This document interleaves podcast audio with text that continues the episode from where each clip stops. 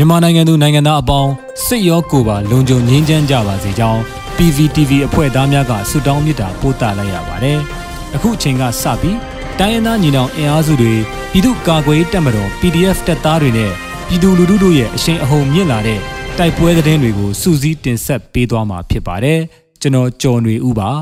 ။ပထမဆုံးအနေနဲ့ချင်းပြည်နယ်မှာစစ်ကောင်စီရင်နှန်းကို PDF ပူးပေါင်းတပ်များတိုက်ခိုက်ပြီး စစ်ကောင်စီစစ်သား20ဦးသေဆုံးတဲ့တဲ့ရင်ကိုတင်ဆက်ပါမယ်။ချင်းပြည်နယ်နဲ့မကွေးတိုင်းအဆက်မှာအင်အား300ကျော်ပါဝင်တဲ့စစ်ကောင်စီရင်နှန်းကို PDF ပူးပေါင်းတပ်ဖွဲ့ကတိုက်ခိုက်ရာစစ်သား20ဦးသေဆုံးကြောင်း PDF ပူးပေါင်းတပ်များကသတင်းထုတ်ပြန်ပါတယ်။ဖေဖော်ဝါရီလ12ရက်နေ့နနက်6နာရီခွဲအချိန်ခန့်မှစတင်ပြီး YDF SAW and ကြောက်ထု PDF SAW CDF ကံပက်လက်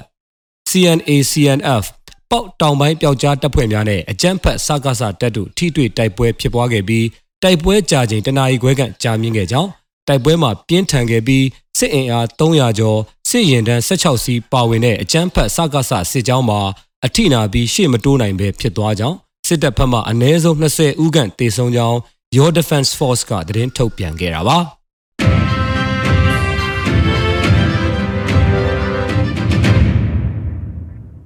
ဆက်လက်တင်ဆက်မှာကတော့ဘိုးကလေးကွင်းချောင်းလေးကြေးရွာရှိစစ်ကောင်စီပိုင် Mintel Tower တိုင်းကိုဒေသကာကွယ်ရေးတပ်ဖွဲ့များဖောက်ခွဲမိရှို့ခဲ့တဲ့တဲ့တင်မှာ AR တိုင်းဘိုးကလေးမြို့နယ်ဗဘဲစုကြေးရွာအုပ်စုကွင်းချောင်းလေးကြေးရွာရှိအကျန်းဖက်စစ်ကောင်းဆောင်မင်းအောင်လှိုင်မိသားစုပိုင် Mintel ဆက်သွယ်ရေးဖုံးတာဝါတိုင်းနဲ့ဆက်ဆက်ပစ္စည်းများကိုဒေသကာကွယ်ရေးတပ်ဖွဲ့များဖြစ်တဲ့ဘိုးကလေး AR ဗေဒါကြိုက်လက် AR ဗေဒါနဲ့ AR ဝတီလင်းပိုင်အဖွဲ့တို့ကဖေဖော်ဝါရီလ23ရက်နနက်2နာရီခွဲမှာ ဖောက်ခွဲမိရှို့ဖျက်ဆီးလိုက်ကြောင်းသိရှိရပါတယ်။ဖြတ်ပုံခရိုင်ပြည်သူ့ကာကွယ်ရေးတပ်ပေါင်းစု AR ဗေဒါအနေဖြင့်တော်လိုင်းအင်အားစုများနဲ့ပူးပေါင်းကာအာနာရှင်စစ်ဘလူးများကိုအမြင့်ပြတ်သည့်အထိတွန်းလှန်တိုက်ထုတ်သွားမှာဖြစ်ကြောင်းပြည်သူများအနေနဲ့သတိပြုသွားလာနေထိုင်ကြရန်ဖြတ်ပုံ PDF AR ဗေဒါတပ်ပေါင်းစုကသတင်းထုတ်ပြန်ပါတယ်။